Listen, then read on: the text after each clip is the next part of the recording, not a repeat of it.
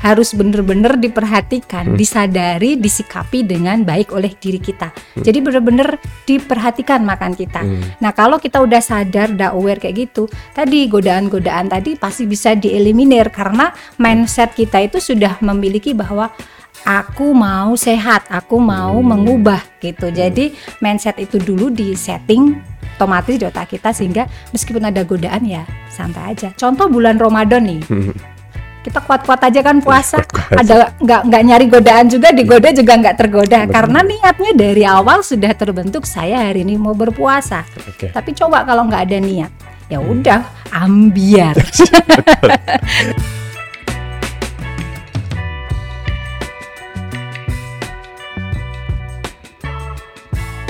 Halo kawan UGM, Assalamualaikum warahmatullahi wabarakatuh Pendengar setiap podcast Universitas Gajah Mada Selamat siang waktu Jogja Gimana kabar kalian? Semoga sehat selalu ya Podcast UGM kembali lagi Dan topik hari ini mungkin bisa sangat relate ke saya Banyak orang sering kali mengatakan Bok diet, bok diet Ya, topik kita hari ini diet sebenarnya diet itu identiknya itu dengan fat loss ya. Tapi sebenarnya diet itu lebih dari itu. Kadang ada yang mungkin ada penyakit sehingga dokter pun menyarankan untuk menurunkan berat badan. Itu juga bisa. Dan macam-macam diet pun banyak. Ada diet keto, OCD atau mungkin bahkan intermittent fasting itu juga masuk ke diet. Sebenarnya definisi diet sendiri itu seperti apa sih dari pandangan ahli gizi? Dan sudah bersama dengan saya di sini di studio Humas dan Protokol saya kehadiran tamu undangan spesial di sini.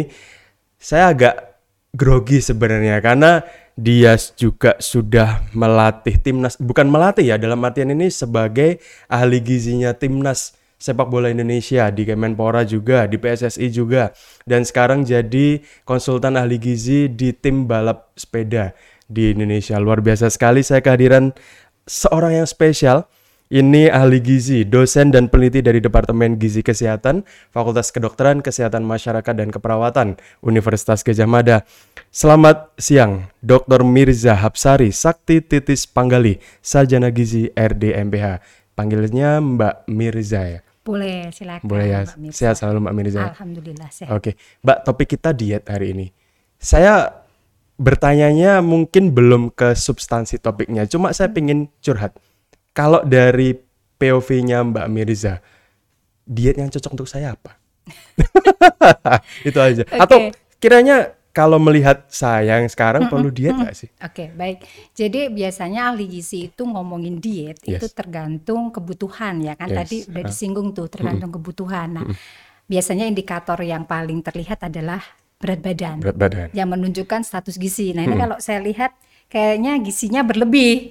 Tuh, gizinya berlebih. Jadi Baik. ya program penurunan berat badan hmm. mungkin yang paling tepat, tapi tetap harus kita pastikan dulu nih berat badannya hmm. benar-benar berlebih enggak. Hmm. Kemudian kalaupun berlebih itu yang banyak lemaknya atau hmm. ototnya. Nah, hmm. kalau lemak berarti memang harus ditreatment nih. Gitu. Oke. Okay. Kan satu orang dengan yang lainnya tentu nggak bisa dong misalnya saya uh, cocoknya atau mungkin Mbak Mirza hmm. cocoknya diet keto katakanlah nggak mungkin kan diterapkan ke saya yang mungkin dalam artian ini tidak cocok apa indikator saya tepat menggunakan diet A diet B diet C oke baik jadi ilmu gizi sekarang ini berkembang ya hmm. hmm. jadi yang terakhir ini kita kenal dengan istilah personalized nutrition okay. jadi pendekatan gizi secara personal individu hmm. hmm. nah zaman dahulu kita memang uh, masih basic ilmu gizinya itu berdasarkan pada berat badan, hmm. kemudian riwayat penyakit, riwayat penyakit keluarga, atau mungkin ada keluhan-keluhan yang spesifik berhubungan dengan kesehatan. Hmm. Nah itu kita cocokkan gitu. Nah pada saat ini kita sudah berkembang mas, hmm. ada yang namanya pemeriksaan genetik. Hmm. Ya, genetik ini nanti akan memunculkan kecenderungan seseorang ini lebih cocok makan tinggi protein, atau memang lebih cocok mengurangi karbohidrat hmm. atau lebih cocok dengan meningkatkan buah dan sayur hmm. atau bahkan olahraga sudah cukup sensitif dengan orang ini. Hmm. Nah, ini hmm. ada pemeriksaannya berbasis genetik. Hmm. Nah, sementara ini yang paling baru nih Mas ya. Hmm. Hmm. Kalau kepingin personalized nutrition, nutrition sekali ini ya, hmm. ada yang namanya pemeriksaan mikrobiota. Jadi fases kita ini Oh iya iya iya. Ah, apa sih fases itu bahasa kerennya yang paling Eh, mudah diterima itu apa? Coba. Apa ya? Kotoran manusia. Itulah ya. Intinya BAB kita Iya, lah ya. BAB kita, benar. ini ternyata itu menggambarkan bagaimana kita makan sehari-hari. Hmm. Maka kalau kualitas fesesnya bagus berarti berhubungan dengan kualitas makan yang bagus. Oke. Nah, maka nanti di situ bisa nih ahli-ahlinya cukup banyak UGM cukup banyak ahlinya yang mikrobiota ini. Jadi Hmm. nanti di situ ketahuan oh orang ini harus banyak mengkonsumsi sayur. Hmm. Oh orang ini harus banyak menurunkan pola eh, konsumsi lemak Hmm. dan seterusnya. Gitu su- sudah ada perkembangan ilmunya menuju ke sana. Kalau misalnya diet hanya dengan mengurangi makanan tanpa olahraga, itu bisa terjadi nggak diet itu? Oke, baik. Jadi sebenarnya proses penurunan berat badan itu ada tahapannya. Berdasarkan usia juga. Yes. uh, Ya. Karena itu berhubungan dengan metabolisme tubuh. Kita ini nih Mas, kalau makin tua, makin bertambah usia, metabolisme tubuhnya makin berkurang. Berkurang, betul. Nah, sehingga dengan membatasi makanan saja akan tidak cukup. Hmm. Kalau kita mau menurunkan berat badan, Yes. mesti harus dipush dengan olahraga juga. Hmm. Dan yang tadi sudah disebut juga tuh di awal, puasa juga salah satu kunci keberhasilan diet ketika menurunkan berat badan, terutama di usia yang sudah lebih dari 40 tahun. Oke, sebenarnya kondisi atau faktor apa saja yang mempengaruhi saya berhasil dengan diet saya? Itu apa aja? Disiplin, Dan niat. niat, betul. Mau diketemukan konsultan ahli level apa pun ya. Oh, iya, bener sih. Terus Iya, iya. oh, udah dikasih program terbagus, terbaik ya. Tetapi kalau kitanya lemah ya, kitanya nggak disiplin, ya pasti gagal. Kalau diet itu sebenarnya tantangannya gini Mbak Mirza. Misal saya kan kadang-kadang membatasi saya uh, mengurangi makanan manis kadang. Tapi dengan mengurangi itu kadang itu godaannya malah semakin lebih, Mbak. Jadi gini misalnya saya ingin mengurangi makan uh, atau minum katakanlah yang manis-manis lah. Tapi kok lama ya nggak minum yang manis? Pengen banget minum yang manis. Akhirnya aku minum banyak, Mbak. Nah kira-kira itu bisa uh, mempengaruhi hasil dari uh, diet saya nggak sih, Mbak sebenarnya itu? Ya, sebenarnya kita juga ada istilah baru nih, Oh, namanya mindful eating. Jadi makan itu harus benar-benar diperhatikan, disadari, disikapi dengan baik oleh diri kita. Jadi benar-benar diperhatikan makan kita. Nah kalau kita udah sadar, udah aware kayak gitu, tadi godaan-godaan tadi pasti bisa dieliminir karena mindset kita itu sudah memiliki bahwa aku mau sehat, aku mau mengubah gitu. Jadi mindset itu dulu di setting otomatis di otak kita sehingga meskipun ada godaan ya santai aja. Contoh bulan Ramadan nih. Kita kuat-kuat aja kan puasa. Ada nggak nggak nyari godaan juga, digoda juga nggak tergoda karena niatnya dari awal sudah terbentuk saya hari ini mau berpuasa. Oke. Tapi coba kalau nggak ada niat, ya udah ambiar. Iya kan oke, dietnya ambiar gitu ceritanya. Oke. Iya. Siap. Oke, tapi sebenarnya kalau misalnya bicara soal diet, eh lebih baik diet itu didampingi Hmm. atau program kita sendiri dalam artian kita belajar sendiri eh, dari internet kah atau mungkin Hmm. dari YouTube kah? Kadang-kala ada tutorialnya kah? Misalnya eh, puasa 16 jam setelah itu baru apa-apa. Perlu pendampingan nggak sih sebenarnya, Dok? Oke, baik. Ini pertanyaan yang penting banget ya. Kalau saya jawab harus didampingi. Kenapa? Oke. Karena misalkan ahli gizi ya, ahli gizi itu kan menempuh proses pendidikan yang nggak mudah di UGM ini aja eh, apa empat tahun plus profesi, ya kan, Pro- pro- profesi magang. Nah, di sana itu ada kaidah-kaidah keilmuan. Jadi netapin diet A, diet B, diet C itu sudah melewati riset, melewati sebuah metodologi sampai dia disepakati secara dunia adalah diet yang tepat untuk masalah tertentu, misalkan seperti itu. Jadi sudah ada kesepakatan, ada konsensus. Itulah kenapa ahli gizi itu harus tetap diminta profesional dan update keilmuan. Nah, kalau kita ngebaca sendiri nih ya, ngebaca sendiri itu kan sumbernya bisa macam-macam. Kadang-kadang cuman sekedar testimoni, influencer kah, misalkan kebetulan diet dipakai dia atau pengalaman dia sendiri masuk programnya. Sedangkan diaplikasikan ke kita kok enggak ya? Kan frustasi jadinya. iya. Nah, maka kalau didampingi yang ahlinya itu pasti akan diarahkan yang sesuai dengan kaidah keilmuan. Oke, tapi mohon maaf, misalkan yang memberikan tutorial di YouTube itu juga ahli gizi, apakah kita juga sendiri pun juga cukup? Atau tetap Nanti harus dampingi? tantangannya multitafsir. Hmm. Jadi misalkan gini, ada hal yang contoh uh, di Indonesia ini ragamnya hmm. luar biasa loh kulturnya. Hmm. Hmm. Contoh misalkan begini, konsep sayuran, ya konsep hmm. kata sayuran. Hmm. Kalau tak tanya sayuran apa? Uh, yang hijau-hijau. Yang hijau-hijau, yeah. oke okay, ya. Itu udah bener sih, udah bagus meskipun yeah. sayuran macam-macam. Hmm. Tapi di satu daerah di Indonesia, sayuran itu bukan itu. Hmm. Sayuran itu adalah apa pun yang dikasih kuah dia sebut sayur. sayur ya. Ini saya lihat ada di beberapa provinsi kalau saya lagi kunjungan dan mm-hmm. apa gitu tuh oh dia nyebut ini tuh sayur ya, nyebut mm-hmm. ini sayur ya. Mm-hmm. Makanya ketika saya nyari sayur di satu daerah nyari mm-hmm. sayur mm-hmm. ya disajikan makanan berkuah padahal itu nggak mm-hmm. ada sayurnya, nggak ada sayuran yang kita ketahui. Yeah, nah, ini iya. loh contoh-contoh contoh realnya seperti ini. Jadi kalau kita nggak didampingi kadang-kadang multi tafsir apa yang mau disampaikan hmm. dengan yang dipahami oleh masyarakat kita. Masalahnya hmm. kita tuh heterogen sekali. Oke, okay. dari penjelasan Mbak Mirza ini jadi saya sebenarnya pengen diet Mbak, cuma itu saya ingin milih mentor dalam artian ini yang ahli gizi juga. Kira-kira yang tepat itu seperti apa? Apa yang harus kita cari dari seorang ahli gizi yang bisa uh, mendirect saya untuk bisa menuju ke uh, berat badan ideal katakanlah seperti itu apa yang harus dicari oke okay, baik jadi pastikan dia memang bergelar sarjana gizi jadi hmm. dari latar belakang pendidikannya itu memang uh, apa namanya valid lah ya yeah. bukan bukan ahli gizi yang istilahnya cuma dapat sertifikat course tentang mm -hmm. materi gizi kemudian dia mendisklaimer dirinya ahli yeah. gizi itu banyak loh ya atau dicap oleh siapa gitu yeah, dia ahli gizi gitu, gitu ya. kan banyak nah pastikan dulu background pendidikannya jelas yes. ya nah sebenarnya di mana sih kita bisa mengakses ahli gizi ini mm. ya uh, kalau di UGM ini GMC ada loh Oh, di ada. GMC karena saya juga praktek di sana. Oh iya oke. Okay. ya di GMC ada bisa. untuk keluarga besar UGM saya kira nggak hmm. jauh-jauh GMC ada hari Selasa dan Kamis prakteknya itu semua hmm. teman-teman gizi ada ada praktek di sana hmm. atau mungkin di rumah sakit cuman kadang-kadang kalau rumah sakit kan mindset kita sakit ya orang hmm. ke sana kan ya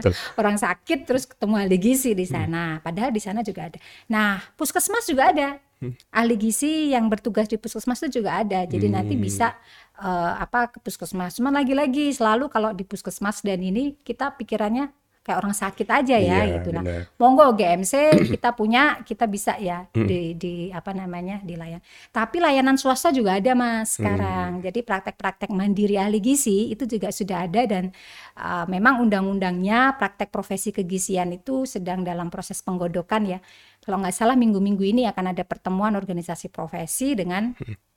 Eh, DPR ya tapi insya hmm. Allah itu sih nggak ada kendala tinggal ketok artinya ahli gizi juga bisa buka praktek mandiri di mana pun berada tapi oh. ya tadi bisa ditemuinya di mana ya di iya. tempat-tempat yang tadi sudah saya sebutkan oke bicara soal program diet biasanya dari awal ketemu dengan ahli gizi hmm. sampai dengan katakanlah goalnya hmm. berapa bulan atau bahkan mungkin berapa tahun sangat tergantung klien. Dari kita sendiri ya, berarti ya. Uh, nah kebetulan nih uh, saya ada praktek mandiri ya mm-hmm. di Jogja Sport Clinic mm-hmm. itu uh, saya praktek di situ kebanyakan pasiennya weight loss. Ya kebanyakan kasus uh, weight loss. Nah ini ada yang berhasil tiga bulan, ada yang berhasil enam okay. bulan, hmm. ada yang butuh setahun kan orang beda-beda. Hmm. Ada satu kasus yang saya hadapi anak usia 14 tahun kegemukan sangat berat sampai ada perubahan posisi lutut ya mm -hmm. karena saking beratnya, beratnya badan dia itu dia butuh satu tahun sampai ke berat badan dia yang normal oh, bayangkan loh itu anak usia 14 tahun dengan semangat juang yang hmm. cukup tinggi untuk bisa menormalkan berat badan Betul. tapi biasanya yang ngeyel-ngeyel itu ya yang gemesin itu yeah, yang yeah. ini uh, usia-usia 30 sampai 40 hmm. itu usia-usia yang uh, banyak excuse-nya Contoh kan karena udah kerja ya biasanya. Excuse-nya oh saya harus dinas ke sana, saya harus iya. dinas ke sini, di rap, di kantor ada rapat yang hmm. makanannya banyak gitu-gitu. Excuse-nya banyak ini yang iya. suka gemes gitu loh. Tapi juga ada kok yang disiplin di usia-usia itu. Cuman uh, biasanya begini sih. Ini kenapa dia datang ke klinik itu kan poin positifnya dia sudah sadar tuh sadar, bahwa betul. dia mau berubah. Mm -hmm. Itu sudah poin yang harus kita hargai dan biasanya yang mendatangi dulu ke kita itu biasanya yang berhasil karena mm. uh, ada kesadaran untuk dirinya berubah gitu. Dan prosesnya beda-beda karena gini Mas. Ketika tak tawarin program nih ya. Mm -hmm. Kadang-kadang ada yang nggak suka makanannya dibatasi, jadi maunya olahraga aja. Ada yang saya kalau makanan dibatasi masih oke, tapi kalau suruh olahraga males. Hmm. Jadi kan hasilnya kan beda-beda nih. Betul betul. Ada yang saya sanggup untuk olahraga, saya sanggup untuk eh, apa membatasi diet. Nah itu biasanya yang berhasilnya cepat yang begitu. Hmm, tapi ada nggak yang hanya olahraga saja tapi makannya sama saja porsinya itu bisa weight loss, uh, weight loss, fat loss? Biasanya itu maintenance yang begitu. Artinya Oh, oke. balance antara yang dia makan dengan yang dia pakai. Sumber Oke. energinya biasanya dia akan balance hasilnya. Hmm, Gak akan weight loss. Karena prinsip keseimbangan energi itu kalau kita mau weight loss, Hmm. ya yang kita konsumsi itu kita batasi, olahraganya kita banyakin, Banyakin, atau pemanfaatannya kita batasi. Prinsipnya. Sebenarnya kalau bicara tadi saya ada bilang diet keto, ada Hmm. juga uh, intermittent fasting, ada OCD juga bahkan. Sebenarnya diet yang aman untuk kita, katakanlah kita dalam artian mungkin orang yang benar-benar pengen fat loss atau weight loss lah katakanlah. Yang aman itu sebenarnya seperti apa? Apakah yang tadi disampaikan uh, membatasi jumlah porsi makan dan juga mengimbangi dengan olahraga atau ada yang lain sebenarnya? Oke, baik. Jadi kan kita diajari gizi seimbang ya. Ya, heeh. Gizi seimbang itu poin pertamanya adalah makanan yang kita makan punya kontribusi yang lengkap baik untuk sumber karbohidratnya, protein, ya, lemak, kemudian sayuran dan buah sebagai sumber vitamin dan mineral. Itu harus masuk semua. Nah, kalau kualitasnya ini sudah terjamin, sudah ada semua, maka kita bicara porsi. Nah, porsi ini sangat berhubungan dengan pembatasan kalori. Misal nih usia kita nih perempuan di usia-usia produktif ini kan biasanya di sin- 1900 sampai 2100. Laki-laki bisa di 2100 sampai 2400. Ini kan kebutuhan kita normal nih. Nah, karena kita mau diet turunkanlah 500 kalori.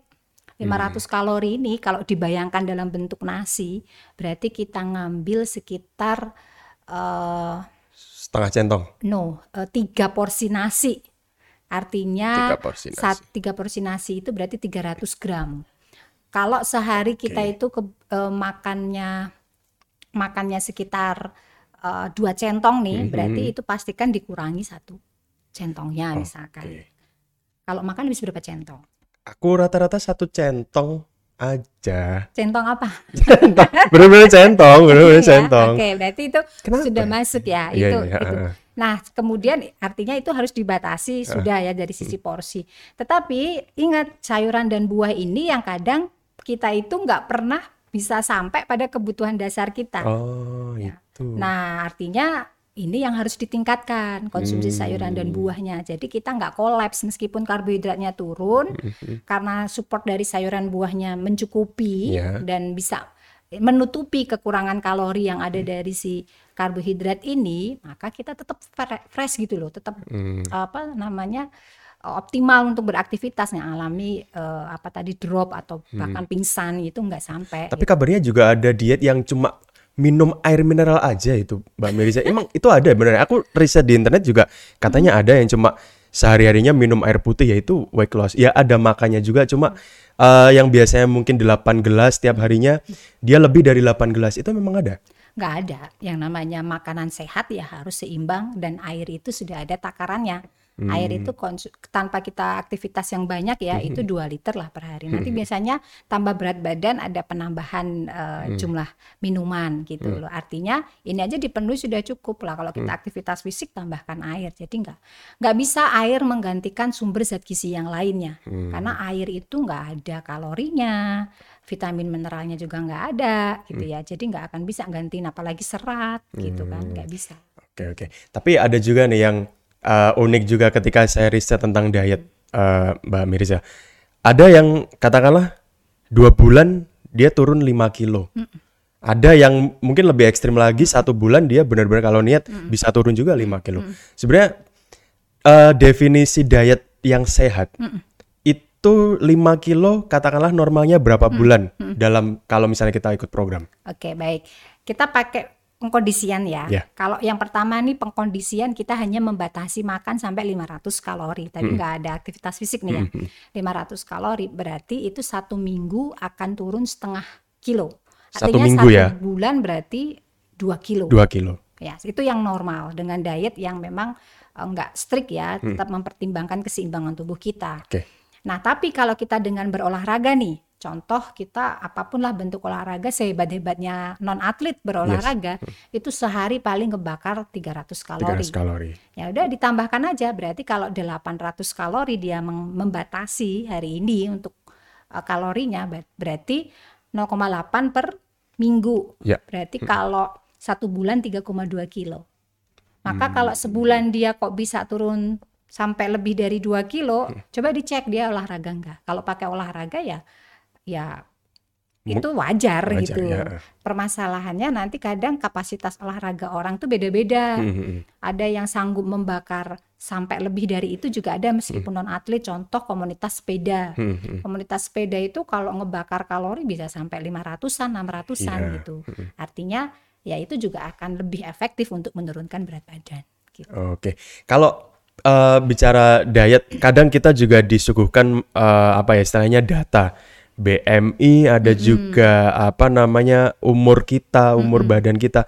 Sebenarnya apa sih penjelasan dari masing-masing itu? Pemeriksaan itu ya. Pemeriksaannya itu. Itu namanya uh, pemeriksaan body analysis impedance. Jadi mm -hmm. uh, body, body impedance analysis ya, mm -hmm. BIA. Jadi mm -hmm. memeriksa untuk ini uh, memonitor uh, men-screening lah ya hmm. bagaimana lemak di dalam tubuh kita, otot di dalam tubuh kita dan di situ ada usia tubuh ya yang hmm. sering buat dagelan tuh kan ya, usia benar, tubuhnya benar, kan. Karena kadang-kadang itu terlihat lebih tua daripada usia kita. usia kita. Nah, sebenarnya itu berhubungan dengan masa lemak kita. Semakin hmm. tinggi masa lemak, maka usia kita tuh semakin tua karena lemak itu identik dengan penuaan, aging. Hmm. hmm, hmm. Kalau otot itu identik dengan regenerasi sel, hmm. pertumbuhan. Nah, hmm. maka pastikan nih kalau usia kita kok ternyata lebih tua dari usia kita usia sesungguhnya kita. hasilnya benar, ya, benar. maka kita berarti itu kurang olahraga. Oke. Okay. Gitu. Oke. Kalau saya sendiri mencap saya olahraganya cukup Mbak Mirza, tapi mungkin ya itu tadi makannya gitu. Biasanya yang suka nyelip-nyelip itu makanan Aduh. manis, minuman nah, manis. Itu, itu yang agak susah itu. Uh. Kayaknya saya perlu pendampingan Mbak Mirza untuk Siap. Ini. Harga khusus ya. Oke. Oke, lanjut. Uh, ada nggak kira-kira mungkin hal yang perlu dihindari dalam arti ini dalam program diet. Misalnya makanan-makanan tertentu memang itu haram hukumnya bagi mm-hmm. uh, mereka yang ikut program diet. Ada nggak hal yang perlu dihindari? Kalau makanan saya sebut haram kan kasihan ya, ya sih, makanan ya, itu kan nggak berdosa ya. Ya dihindari lah dalam iya, artian ya, ini. Maksudnya dibatasi, dibatasi ya lebih tepatnya uh, dibatasi itu adalah tadi konsumsi karbohidrat ya. Jadi porsinya dibatasi. Hmm. Kemudian uh, ada yang memang wajib nggak boleh ini ya sayur buah tadi, hmm. tapi yang harus dihindari yaitu gula, garam dan lemak. Ya, jadi okay. gula itu selalu attach juga dengan minuman, masakan, hmm. roti, ya itu ada. Hmm. Garam sekarang mau nggak mau eh, kita itu kan banyak mengkonsumsi makanan cepat saji ya. Hmm. Nah itu kan makanan tuh dibuat awet kebanyakan dengan penambahan natrium. Okay. Nah ketika ditambah natrium maka ini tabungan natrium dalam yeah. tubuh kita makin tinggi, tinggi itu ya. apa resiko terjadi hipertensi gitu kalau lemak udah pasti gorengan coba kalau di kantor ada gorengan pasti ambil berapa? itu habis berapa dua lah Ah, masa. Dua, dua tambah dua mungkin.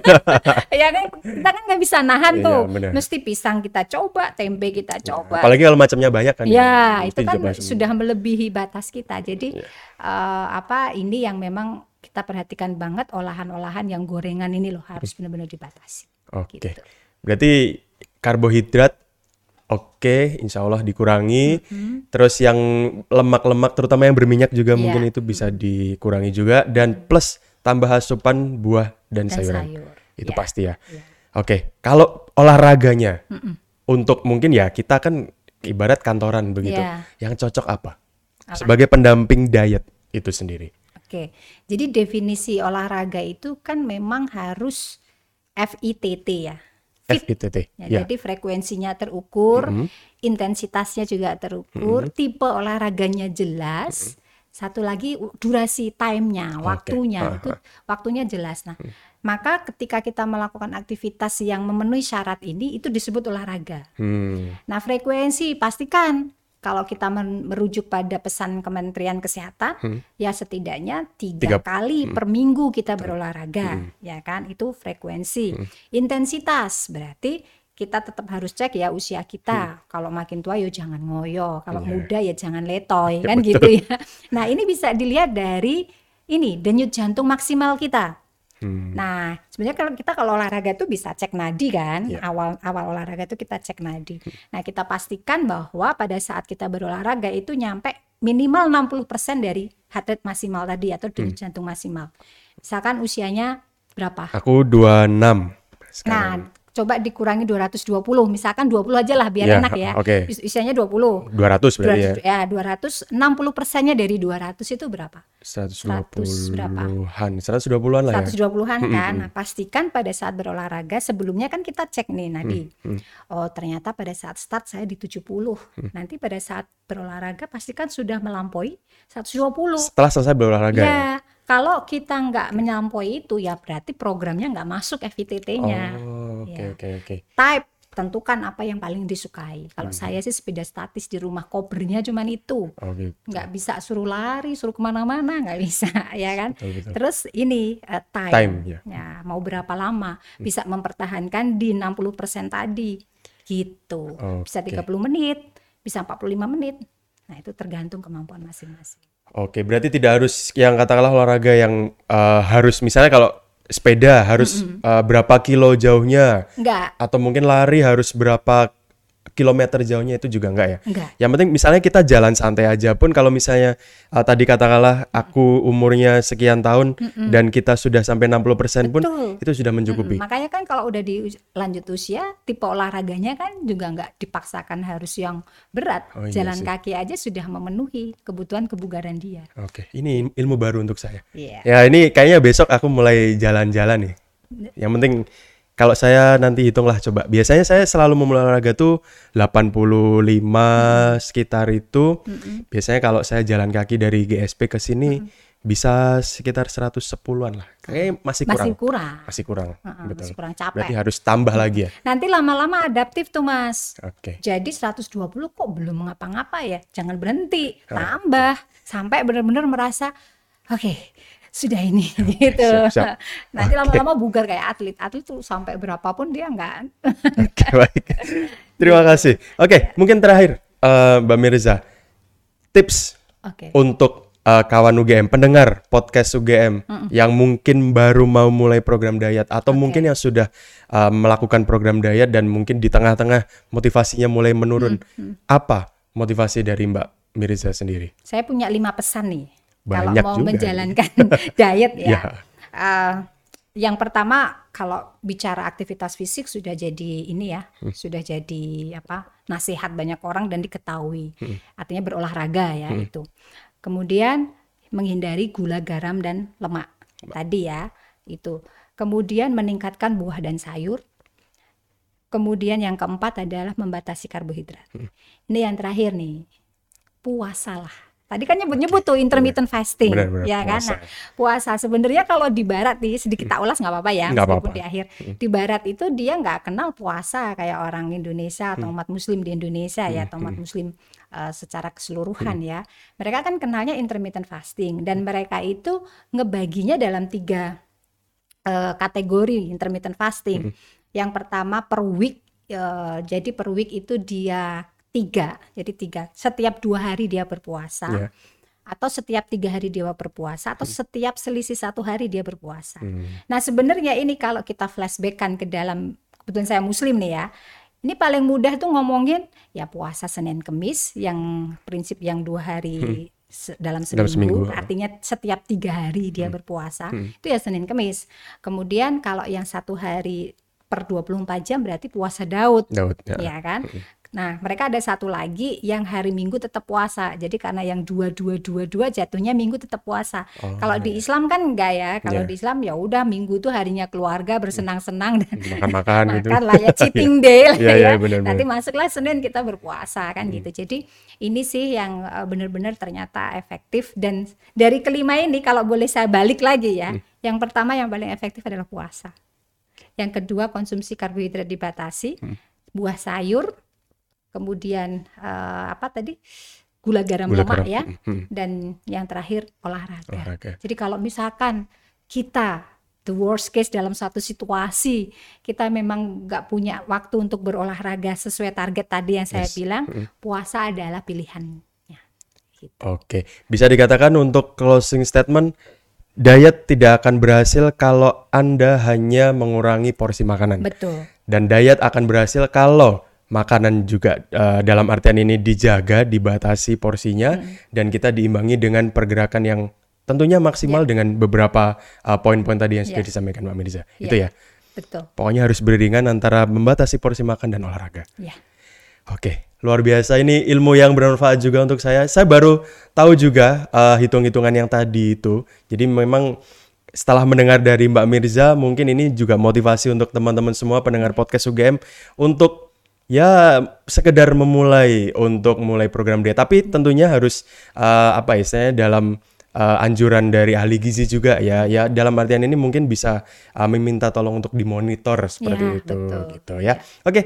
Pendengar setia uh, podcast UGM, terima kasih sekali sudah mendengarkan podcast UGM pada kesempatan siang hari ini. Semoga informasi yang disampaikan oleh Mbak Mirza tadi bermanfaat untuk uh, kawan UGM semua dan jangan lupa untuk follow atau subscribe akun YouTube-nya Universitas Gajah Mada di Universitas Gajah Mada dan juga jangan lupa follow Spotify-nya UGM untuk menerima atau mengikuti segala macam podcast edisi-edisi terbarunya. Terima kasih dan sampai jumpa di edisi podcast berikutnya. Saya Aryan Dika undur diri. Terima kasih. Assalamualaikum warahmatullahi wabarakatuh. Selamat siang. Waalaikumsalam.